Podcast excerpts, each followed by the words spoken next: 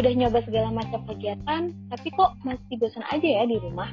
Ah, kenapa? Mending dengerin siarannya Radio Kampus aja yuk. 107,3 FM Radio Kampus ITB, play your best music. Nah, sekarang kalian lagi mendengarkan Healthy Party Club. Stay at home, stay produktif. 107,3 FM Radio Kampus ITB, play your best music. Halo teman-teman mahasiswa, balik lagi nih sama aku dari Isma di Health Party Club Stay at Home Stay Produktif. Nah teman-teman, akhir-akhir ini tuh kita sering banget gak sih disuguhi sama kata-kata toxic, entah itu toxic friend, toxic positivity, dan hal yang pengen kita bahas kali ini yaitu adalah toxic relationship. Kalau menurut kamu gimana nih dengan fenomena banyak orang-orang yang sekarang nge-spill soal toxic relationship yang mereka alami nih? Hmm, kalau menurut aku karena baru ngehitsnya sekarang ya tuh kata-kata toxic. Jadi semua orang itu uh, menganggap hal-hal yang gak sesuai dalam hubungan mereka tuh dibilangnya toxic gitu. Padahal sebenarnya toxic di sini tuh apa ya ber ada ada ininya gitu, ada ada poinnya gitu loh, ada hal yang kayak gini nih baru bisa dibilang toxic gitu. Jadi gak semua hal dalam hubungan yang kita nggak sukain tuh bisa dibilang toxic gitu. Kataku orang-orang sekarang tuh terlalu hmm, apa ya namanya, terlalu mudah mengatakan toxic gitu. Padahal kan belum tentu juga gitu. Nah tapi emang bener-bener ada nih Isma. Kayak hubungan yang emang toxic gitu. Emang hubungannya udah yang ah udahlah jelimet banget gitu. Jadi buat teman-teman mahasiswa yang uh, mungkin bingung kali ya toxic relationship itu kayak gimana terus gimana sih caranya kita untuk menghadapi toxic relationship ini pas banget karena kita akan bahas soal itu sekarang. Nah, jadi menurut Dr. Lilian Glass seorang ahli psikologi pada bukunya yang berjudul Toxic People, jadi sebenarnya toxic relationship itu tuh didefinisikan sebagai suatu hubungan apa pun antara dua orang yang saling tidak mendukung satu sama lain. Di mana tuh terdapat konflik yang dapat merusak salah satunya, terdapat kompetisi, dan terdapat rasa tidak dihargai dalam suatu hubungan. Hmm, jadi sebenarnya toxic relationship ini tuh bukan hanya kita dengan pasangan, tapi bisa dengan kita dengan orang tua, bisa kita dengan teman. Jadi kayak maknanya tuh luas gitu, ya nggak sih mah? Iya betul banget. Karena mungkin secara umum ini tuh adalah suatu apa ya dapat dikelompokkan sebagai toxic people dalam tanda kutip gitu loh. Terus habis itu menurutku juga kayaknya sih setiap hubungan tuh pasti akan mengalami masa-masa sulit ya entah itu berantem hmm. atau momen buruk yang bisa kita alami bersama dan membuat kayak hubungan kita tuh ada di ups and down-nya gitu. Nah iya bener banget. Jadi sebenarnya setiap hubungan itu punya masa-masa tersulitnya masing-masing lah. Entah hubungan kita sama teman-teman kita, entah hubungan kita sama orang tua, dan entah hubungan kita sama pasangan. Kalian pernah ngerasa gak sih kayak di suatu titik kalian jenuh gitu sama orang tua kalian. Kalian ngerasa kenapa orang tua aku tuh gini banget gitu. Terus ada juga di satu titik gimana kalian ngerasa gak nyaman sama teman-teman terdekat kalian gitu. Tapi itu hanyalah di titik-titik tertentu gitu. Dan saat kalian ngelewatin itu kayak ya udah biasa lagi. Nah sebenarnya yang aku mau tekanin di sini adalah kita tuh bisa bilang ini tuh toxic kalau si momen buruknya ini konsisten terus menerus berlangsung gitu jadi nggak hanya di satu titik tapi setiap harinya setiap perjalanan hidup kalian momen itu tuh terus terus berkelanjutan ada dan sisi negatifnya itu menonjol gitu jadi kalau menurut Dr. Kristen ini seorang dokter spesialis mental health di California, toxic relationship itu tuh sebenarnya bersifat merusak baik secara mental, emosional, dan fisik untuk satu atau bahkan dua orang di dalam hubungan tersebut. Jadi mungkin kalau misalnya buat kamu nih yang sekarang mengalami toxic relationship, sebenarnya bukan hanya kamu bisa jadi yang mengalami toxic relationship ini, tapi pasangan kamu atau siapa pun orang terdekat kamu juga sebenarnya mungkin sedang mengalami hal itu gitu hasil dan cerita setiap orang itu mungkin beda-beda ya tentang si toxic relationship ini dan mungkin ada beberapa orang yang menjadi si toxic people kayak gitu. Nah biasanya orang-orang yang menjadi toxic people kayak ini dia tuh di kehidupan sebelumnya emang punya masalah gitu loh. Jadi di kehidupan sebelumnya mungkin dia ada hal-hal yang kurang berkenan di diri dia, misalnya kayak kurang kasih sayang, kurang disupport, terus kayak kurang merasa dicintai oleh orang-orang sekitarnya kayak gitu. Nah hal-hal seperti ini kalau menurut aku itu tuh bisa banget jadi faktor kenapa dia tuh toxic kamu. Contoh misalnya kayak gini, dia tuh di hubungan sebelumnya dia diselingkuhin misalnya. Makanya jadinya pas dia punya pasangan yang sekarang gitu kan dia tuh jadi lebih protektif. Sampai kamu tuh misalnya nggak boleh ke mana-mana sama uh, lawan jenis. Bahkan sama teman kamu aja tuh kamu diteleponin terus. Terus teman kamu ditanya-tanya ngapain aja? gitu-gitu. Karena saking takutnya dia tuh mengulangi kesalahan yang sama di hubungan yang sebelumnya. Nah sebenarnya aku mau ngasih sedikit tips aja buat orang-orang yang sebenarnya punya nih kenangan buruk tentang khususnya tentang kehidupan percintaan di sebelumnya gitu ya. Yang paling penting adalah biar dampak dari hubungan kamu yang sebelumnya itu nggak kebawa di hubungan kamu yang akan datang itu adalah kamu harus sembuh dulu gitu. Kamu harus sembuh dulu, kamu harus apa ya namanya? harus bisa bangkit dulu dari kesedihan kamu di yang sebelumnya biar orang yang baru yang datang ke kehidupan kamu itu gak terkena dampak dari hubungan kamu yang sebelumnya. Nah jadinya misalnya dulu kamu yang dijahatin, sekarang malah jadi kamu tuh yang jahat ke orang lain karena itu tadi ada bekas sisa-sisa sakit hati dari hubungan kamu yang sebelumnya. Kayak gitu. Kalau dari pandangan aku ya tentang si toxic people ini. Hmm dilihat-lihat tuh tik pro banget ya tik ya.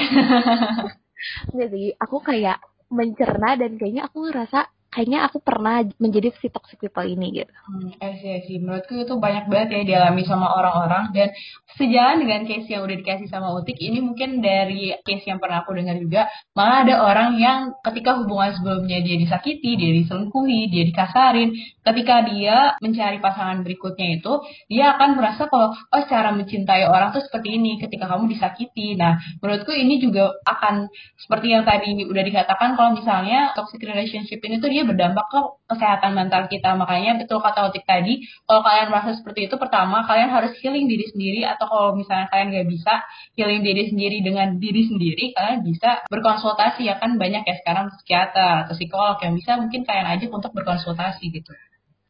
Ya, bener banget. Nah, terus ada lagi nih faktor-faktor lain mah yang ternyata bisa membuat seseorang tuh menjadi toxic people gitu ya dari konteks ini. Jadi, selain dia punya masa lalu yang kurang enak gitu ya, dia uh-huh. mungkin juga pernah dibully atau dia punya trauma di masa kecilnya. Terus dia juga mungkin lagi berjuang menghadapi gangguan mental yang sebenarnya dia juga belum tahu gitu kalau dia punya gangguan mental. Nah, kayak misalnya bipolar, terus mungkin dia depresi atau segala macam. Jadi dampaknya itu ke pasangannya kayak atau ke orang-orang sekitar ya dia jadi lebih gampang marah terus jadi lebih kayak kan biasanya orang-orang yang bipolar aja ya bipolar tuh kan moodnya naik turun kadang sedih banget kadang senang banget. Dan mungkin di fase-fase itu orang-orang sekitar akan ngerasa kenapa gue diginiin sama nih orang? gitu. Apakah gue pantas untuk mendapatkan perlakuan kayak gini dari orang ini? Tanpa mereka tahu sebenarnya oh mungkin emang ada masalah nih di orang ini makanya dia kayak gitu sebenarnya kalau menurut aku ya toxic relationship atau hal-hal yang berbau toxic ini nggak akan ada kalau kita tuh bisa ngerti satu sama lain Betul. dan ya nggak sih hmm. dan kalau menurut aku tuh partnya adalah kita harus tahu dulu kenapa dia ngelakuin hal itu gitu kalau misalnya dia ngelakuin hal itu karena trauma masa lalu itu tuh adalah hal yang penting untuk kita juga ngasih tahu dia kalau dia tuh harus sembuh dulu gitu Hmm. Ya, itunya itu loh kataku poin-poinnya tuh di situ.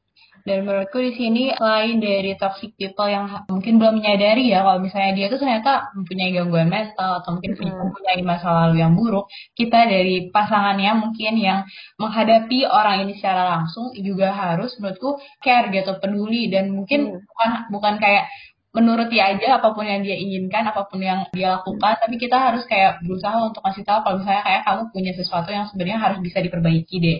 Dan hal kedua yang pengen aku omongin adalah benar banget dari kata Utik, ini dari seseorang yang lumayan deket dengan aku, dia dia pernah ngomong kayak gini, semua masalah tuh pasti bisa diselesaikan dengan komunikasi. Tapi kalau misalnya komunikasi ini nggak bisa menyelesaikan masalah itu, kalian bisa dengan kompromi. Tapi kalau misalnya emang dengan kompromi pun dia nggak bisa diselesaikan, maka ya udah emang itu udah gak bisa desain dan menurutku jalan pilihan terbaiknya adalah kalian jalan di pilihan masing-masing dan nyembuhin diri masing-masing gitu. Betul banget, bener banget lah.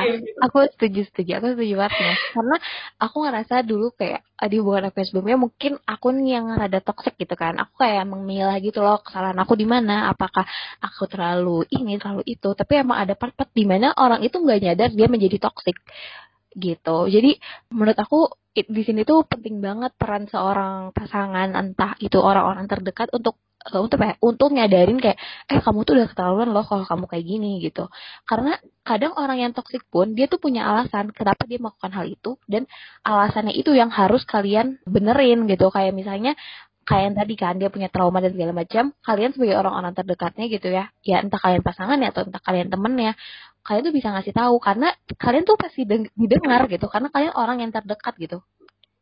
Kayak gitulah pokoknya. Jadi kalau menurut aku sebenarnya toxic toxic relationship ini tuh gak akan terlalu ada kalau kalian berani mengkomunikasikan hal-hal yang emang harus dikomunikasikan. Kayak kalau kalian udah nggak gak nyaman sama perilakuan seseorang kalian bilang biar orang itu introspeksi diri. Kayak misalnya kalian diposesifin gitu. Terus kalian nggak nyaman terus kalian bilang aku nggak suka diposesifin. Emang kenapa sih kok kamu posesif banget lalalala itu adalah hal yang wajar kalau menurut aku di suatu hubungan. Karena ya harus saling jujur gak sih? Kayak kita tuh harus bisa menerima masa lalu dia dia juga harus bisa menerima masa lalu kita. Terus katanya nih ya menurut Glass toxic relationship itu bisa juga merupakan hasil dari imperfect pairing di mana suatu kombinasi yang salah dua orang yang seharusnya tidak dipasangkan. Jadi mungkin ada juga orang-orang yang emang dia tuh gak cocok gitu, gak cocok dari segala aspek, terus mereka ketemu dan akhirnya bisa menyebabkan si toxic relationship ini. Betul banget, setuju nih quotesnya keren. Kalau misalnya yang sering aku dengar ketika seseorang berpisah itu ada dua kemungkinan. Kamu bertemu orang yang salah atau kamu bertemu di waktu yang salah. Jadi kayak toxic relationship itu tuh adalah ketika kamu bertemu orang yang salah. Dan mungkin orang yang salah ini tuh belum tentu salah jika dengan orang lain. Jadi kamu nggak harus diri, diri sendiri gitu ketika kalian emang bukan jalannya untuk bersama gitu. Bener banget, bener banget. Dan kalau menurut aku, aku nggak bilang nggak memberi kepercayaan pada toxic people gitu ya. Tapi supaya kalian yang menjadi istilahnya korban di toxic relationship itu harus balik bilang ke orang yang bisa si toxic people ini. Karena kalau kalian gak bilang kalian kayak udah aku mau pergi mau udahan gitu segala macam mungkin susah untuk si toxic people ini untuk menyadari kesalahan dia gitu. Karena menurut aku si toxic people ini juga melakukan hal-hal ini tuh karena apa ya karena dia ngerasanya ini tuh hal yang benar gitu. Nah itunya itu kan yang salah. Nah itu penting banget sih kalau menurut aku buat kalian sebagai orang terdekatnya mungkin yang sekarang untuk bilang gitu. Sebelum kalian misalnya kalian udah gak kuat gitu kan kayak pengen meninggalkan. Nah sebelum kalian meninggalkan kan bilang dulu aja. Kayak aduh aku gak bisa nih sama kamu kayak gini. Aku gak suka gini gini gini. Aku gak tahu apa itu hidup kamu sebelumnya gini gini, gini. tapi coba deh jangan gini gini gini gini. Dah maaf ya kita sampai di sini. Dah selesai. Jadi kayak walaupun dia ada apa ya dia men, istilahnya jahat lah ya istilahnya jahat sama kalian tapi dia juga pasti mencintai kalian gitu loh. Cuman caranya aja yang salah Eh, bener banget sih, aku setuju banget. Dan menurutku kalau misalnya kalian ada di posisi itu, gimana ya, pasti berat ya untuk berpisah dengan orang yang kita sayang, atau mungkin emang kita sendiri pun akan membutuhkan penyelesaian waktu yang lama untuk mengakui hal tersebut kalau kita sama dia itu ternyata nggak cocok gitu. Tapi perlu diketahui, selain kita harus menyayangi orang lain, kita juga harus menyayangi diri kita sendiri. Di mana kalau diri kita itu merasa emang udah tersakiti, selain kita yang introspeksi, ya sebenarnya apa sih salah gue yang bisa menyebabkan hubungan gue kandas, kalian hmm. bisa lebih ke oh iya ternyata emang yang dilakuin ke gue itu kayak gini dan menurut gue emang udah gak sehat dan jalan terbaiknya bisa kalian putuskan yaitu berpisah gitu kalau misalnya emang itu udah gak bisa diperbaiki lagi bener banget karena kalau menurut aku ya hakikatnya suatu hubungan yang akhirnya kandas itu adalah suatu pelajaran paling berharga dari hidup kalian. Karena kadang proses pendewasaan seseorang tuh bisa aja loh dari hubungan percintaannya gitu. Nggak harus dia uh, jatuh bangun hubungan karir, eh hubungan karir apa sih? Jatuh bangun karirnya atau apanya atau ada masalah keluarga baru bisa dewasa. Tapi bisa aja dari hubungan percintaan tuh bisa mendewasakan seseorang. Dan itu yang aku rasain banget teman-teman. Jadi menurut aku kalau misalnya udah nggak kuat tadi kata Isma ya udah nggak apa-apa akhir aja. Dan kalian tuh harus punya mindset kayak gini. Mungkin kalian tuh dipertemukan sama orang itu tuh untuk mendapatkan pelajaran. Atau mungkin dengan kalian bertemu dengan orang itu dan akhirnya kandas hubungannya itu tuh bikin kalian menjadi pribadi yang lebih baik lagi dan lebih dewasa lagi. Gitu guys. Mantap banget. Semoga podcast kali ini bisa menyadarkan orang-orang yang sedang berada di toxic relationship bahwa emang hubungan mereka mungkin toxic. Dan mungkin teman-teman sekarang kayak terus mana buat menangani toxic relationshipnya? Hmm. nah jangan buru-buru karena kita akan ngebahas soal gimana sih caranya untuk menangani toxic relationship ini di part 2 so teman-teman semua makasih banget udah dengerin Healthy Party Club. Dan jangan lupa untuk dengerin podcast selanjutnya tentang toxic relationship ini part 2 nya minggu depan nih teman-teman Betul banget. Dan buat kalian yang punya rekomendasi tema buat dibahas sama Healthy Party Club, kalian bisa hubungin ke Instagramnya Radio Kampus ITB atau Instagram pribadi aku @ismafriha ketika NDHRA Darin di DHRNR. Terima kasih teman-teman, semoga bisa membantu dan menginformasikan kalian. See you. Bye.